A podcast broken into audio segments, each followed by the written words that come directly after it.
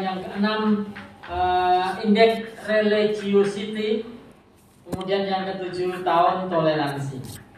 Bapak Ibu yang saya hormati, program penguatan moderasi beragama menjadi program prioritas RPJMP sehingga program ini tidak hanya menjadi tanggung jawab Kementerian Agama tetapi menjadi tanggung jawab seluruh kementerian lembaga yang ada di Indonesia. Apa makna pentingnya program ini? Disadari dan diketahui Bapak Ibu bahwa Indonesia lahir, Indonesia merdeka itu didukung, disokong oleh seluruh komponen bangsa termasuk seluruh umat beragama. Jadi dalam kehidupan beragama kita harus mewujudkan toleransi beragama, saling menghargai, saling menghormati. Bahwa ajaran agama mengajarkan kepada kita untuk menghormati perbedaan. Perbedaan adalah kehendak Tuhan yang Maha Kuasa. Indonesia ini ketika diinginkan oleh Tuhan menjadi satu agama itu sangat mudah dan sangat mungkin. Tetapi realitasnya yang ada Indonesia adalah negara yang pemeluknya beragam heterogen ada Islam, ada Kristen, ada Hindu, ada Buddha, ada Konghucu, Katolik semua itu harapannya sebagai umat beragama yang ada di Indonesia bisa saling menghormati, saling menghargai. Terkait dengan akidah keyakinan itu menjadi hak prioritas hak privat masing-masing warga Indonesia, warga bangsa. Sehingga kita tidak boleh melakukan pemaksaan terkait dengan masalah akidah. Keyakinan sudah menjadi eh, apa? hak pribadi seseorang menentukan, meyakini, mengikuti ajaran agama apa itu adalah hak mereka. Sehingga tidak ada kata istilah pemaksaan untuk beragama, memaksakan orang yang sudah beragama. Untuk itu Bapak Ibu yang saya hormati, ajaran agama mengajarkan kepada kita sebuah ajaran yang sangat toleran, yang sangat moderat. Ajaran agama diturunkan untuk mengatur kehidupan terkait dengan tata cara ibadah kepada Tuhan yang Maha Kuasa masing-masing sudah ada aturan sudah ada acuannya tetapi dalam kehidupan sosial bermasyarakat kita harus mengakui perbedaan itu tetapi perbedaan harus kita jadikan sebagai sebuah kekuatan untuk mempersatukan meskipun kita beda agama meskipun kita beda budaya ras suku tetapi kita tetap satu bangsa bangsa Indonesia. Bineka tunggal ika. Meskipun kita berbeda tetapi kita tetap berada di bawah panji-panji dasar negara Pancasila oleh karena itu saat ini seluruh kementerian lembaga mengharuskan semua pegawai termasuk keluarganya untuk dapat memahami pemahaman ajaran agama secara moderat. Tidak boleh ada ajaran agama yang selama ini kita ketahui ajaran agama tidak mengajarkan kepada kekerasan. Ajaran agama tidak mengajarkan ekstrim. Berjuang, berdakwah, berjihad tidak ada ajaran agama yang membawa nama Tuhan untuk memaksakan kehendak orang lain. Untuk itu, Bapak Ibu, seluruh tokoh-tokoh umat beragama, tokoh masyarakat dimohon program ini perlu terus disosialisasikan agar kita bisa mewujudkan sebuah harmoni kehidupan, sebuah kehidupan tatanan yang indah, yang damai, yang tentram, yang satu dengan yang lain saling menghargai dan menghormati. Itulah penguatan moderasi beragama sehingga ajaran-ajaran agama tidak ada satupun yang mengajarkan kekerasan. Nyawa seseorang itu sangat-sangat berharga di hadapan Tuhan yang Maha Kuasa. Untuk itu tidak benar bahwa ketika ada yang mengatasnamakan ajaran agama di bawah dalam ranah uh, perjuangan mengatakan berdakwah tetapi pemaksaan yang ada itu sebuah pemahaman yang tidak sesuai dengan nilai-nilai ajaran agama yang sesungguhnya. Maka ketika kemarin-kemarin ada beberapa peristiwa Alhamdulillah sekarang sudah uh, cukup kondusif berdakwah mengatakan uh, jihad dengan membawa bom membunuh orang lain dengan ada suatu uh, keyakinan akan bisa mati sahid bukan mati sahid tapi mati sahid karena pada dasarnya itu tidak sesuai dengan ajaran Islam. Yang membawa bom di tangan dengan membawa takbir itu sebetulnya adalah pelecehan nama Tuhan dan ajaran agama Islam tidak mengajarkan yang demikian. Itu terjadi karena apa? Karena pemahaman yang tidak sempurna. Mereka memahami ajaran agama tidak sesuai dengan apa yang dikehendaki oleh Tuhan yang Maha Kuasa.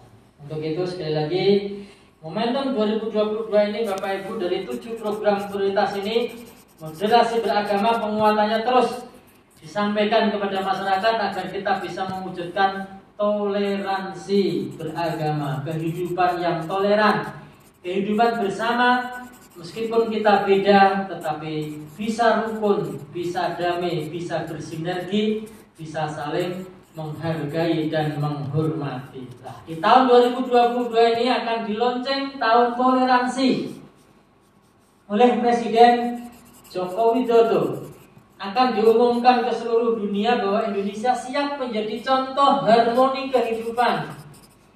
Kita Indonesia itu beragam agamanya, tetapi kita bisa dan dimohonkan untuk bisa hidup rukun, bisa saling menghargai, bisa saling menghormati sehingga proses mengisi kemerdekaan mewujudkan cita-cita kesejahteraan masyarakat adil makmur lahiriah Eh, jasmaniah lahiriah bisa segera terwujudkan. Untuk itu Bapak Ibu yang saya hormati, saat ini Kementerian Agama terus uh, akan berusaha mensosialisasikan itu kepada seluruh umat beragama, kepada seluruh tokoh-tokoh agama dan sekali lagi ditegaskan Kementerian Agama adalah milik seluruh pemeluk umat agama yang ada di Indonesia. Tidak hanya milik agama Islam, tetapi seluruh umat beragama berhak mendapatkan pelayanan dari Kementerian Agama. Sehingga di Kementerian Agama ada namanya pembimas, pembimbing masyarakat Hindu, pembimbing masyarakat Kristen, pembimbing masyarakat Katolik, pembimbing masyarakat Buddha, Konghucu yang belum ada karena belum ada uh, pejabatnya.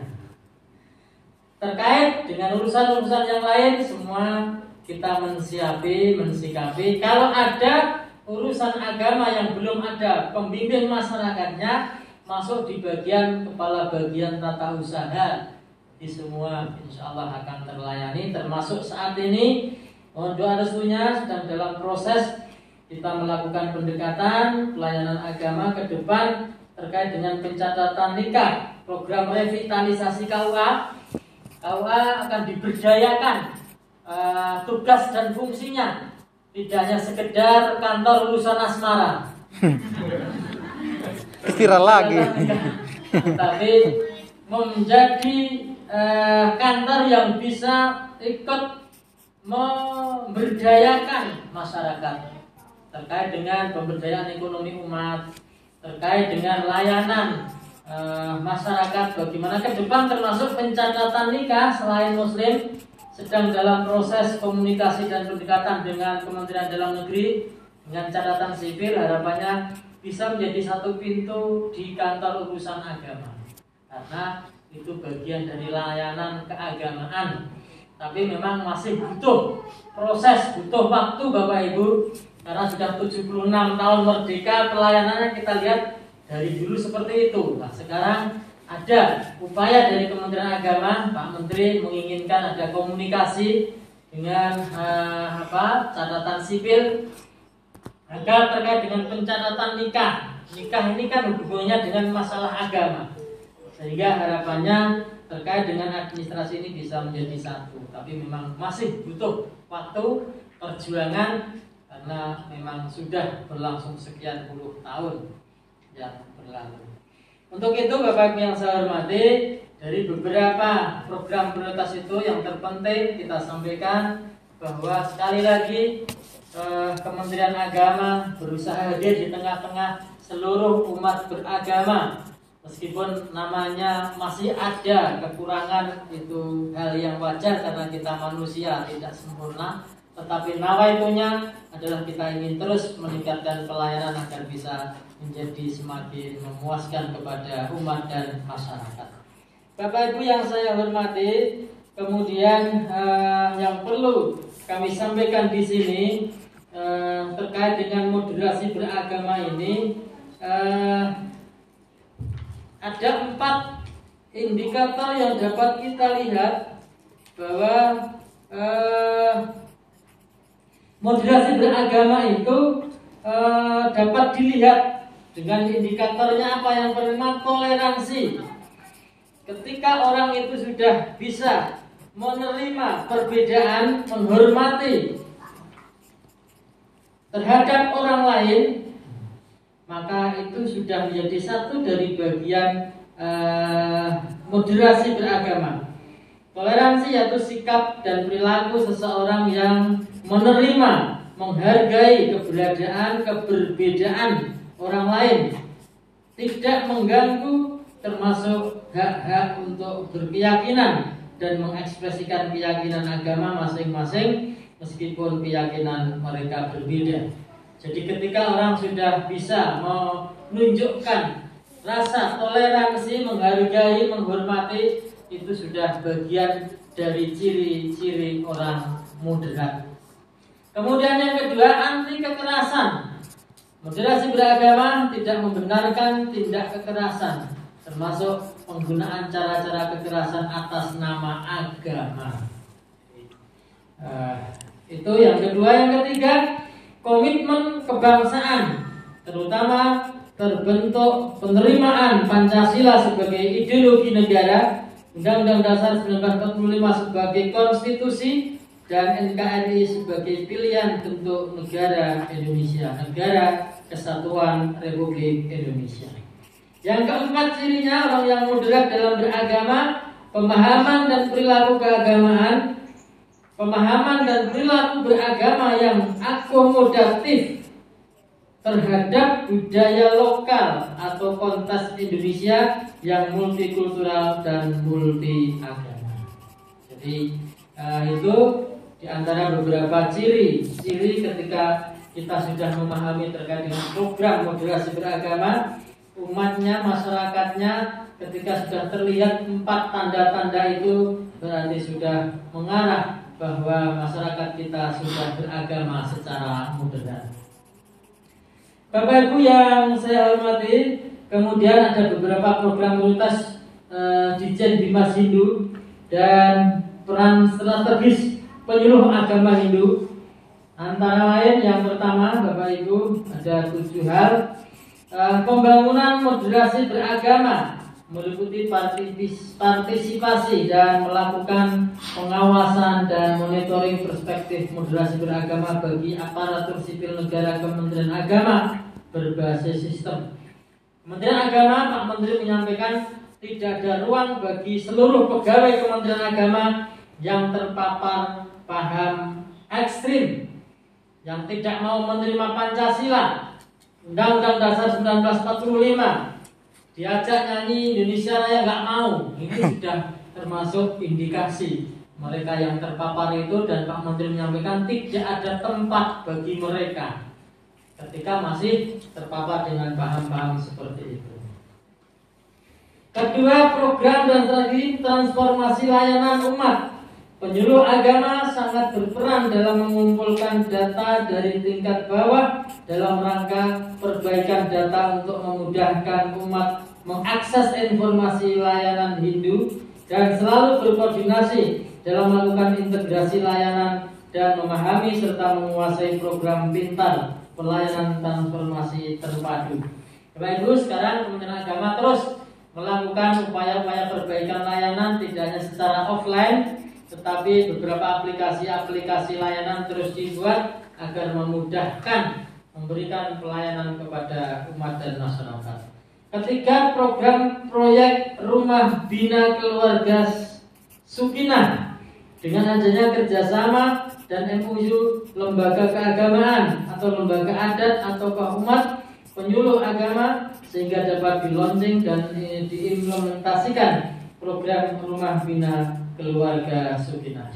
Yang keempat, program pembinaan sosialisasi fintech SDM dan pemenuhan sarana prasarana layanan. Yang kelima, Cyber University dengan peningkatan status PTKHS menjadi PTKHN.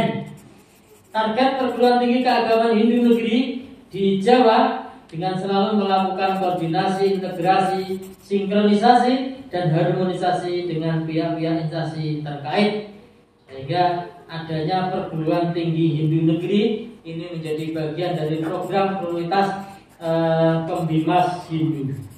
Kemudian yang keenam program kemandirian lembaga keagamaan dan agama Hindu melalui BUMP Badan Usaha Milik Pura untuk Islam melalui uh, masjid dan termasuk untuk umat-umat yang lain melalui para pengelola pengurus tempat ibadah. Yang ketujuh, tahun toleransi berbasis tempat ibadah dengan pemanfaatan tempat ibadah sebagai pusat siar agama yang toleran dan penguatan peran keluarga dalam penanaman nilai toleransi penguatan peran lembaga agama, tokoh agama dalam menjaga kerukunan dan nilai-nilai toleransi.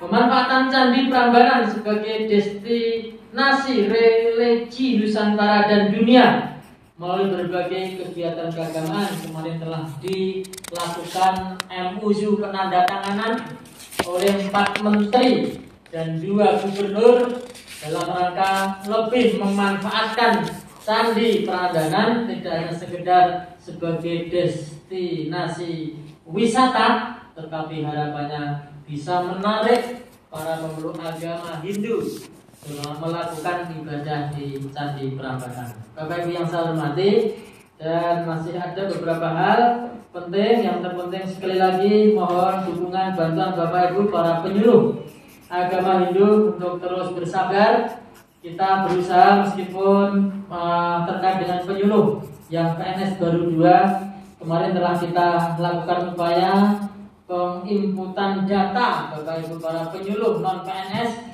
sudah kita uh, kita himpun. Semoga ke depan akan ada uh, apa kebijakan yang berpihak pada Bapak Ibu semua. Jadi semua penyuluh agama yang ada Islam, Hindu, Kristen, Buddha, Katolik, ya. e, semua kemarin yang non PNS kita lakukan pendataan. Semoga ke depan ada kebijakan bisa menjadi e, P3K minimal. Kita berharap berdoa, tetapi semuanya kita e, masih menunggu kebijakan dari pusat terkait dengan data itu sudah kita lakukan upaya pendataan dan pengumpulan agar ketika nanti ada kebijakan yang ingin diterapkan maka kita sudah mempunyai datanya dan kita berharap pengabdian Bapak Ibu semua bisa terus ditingkatkan. Semoga menjadi bagian dari amal ibadah Bapak Ibu semuanya. Bapak Ibu yang saya hormati mungkin ini beberapa hal yang dapat kami sampaikan terkait dengan uh, materi peta jalan moderasi beragama mungkin nanti bisa di share bisa menjadi tambahan kita semua. Kemarin DIY sudah di launching adanya desa sadar kerukunan sebagai pilot proyek percontohan desa kerukunan umat beragama. Oleh Pak Menteri Agama kita berharap itu bisa menjadi contoh untuk wilayah-wilayah yang lain tidak hanya di uh, Kapanewon Sewon tetapi di beberapa uh, yang lain, kecamatan yang lain nanti bisa mengikuti seperti itu. Harapannya semua umat beragama yang ada di daerah istimewa Yogyakarta dan Indonesia meskipun kita berbeda, tetapi kita adalah saudara. Meskipun kita beragam, tetapi kita tetap berada dalam satu panji-panji dasar negara Pancasila. Bapak Ibu yang saya hormati, demikian beberapa yang telah kami sampaikan. Dengan seizin Bapak Ibu semua, marilah kegiatan uh, fintech penyuluh agama Hindu sore hari ini secara resmi kami nyatakan dibuka. Semoga Tuhan Yang Maha Kuasa senantiasa memberikan pertolongan, memberikan kesehatan kepada Bapak Ibu semua dapat mengikuti kegiatan ini sampai selesai, mendapatkan tambahan ilmu dan wawasan yang berguna bagi kita semua. Demikian dan sekian. Terima kasih. Wassalamualaikum warahmatullahi wabarakatuh. Santi Om Shanti, Shanti, Shanti. Om Santi Santi Santi Om.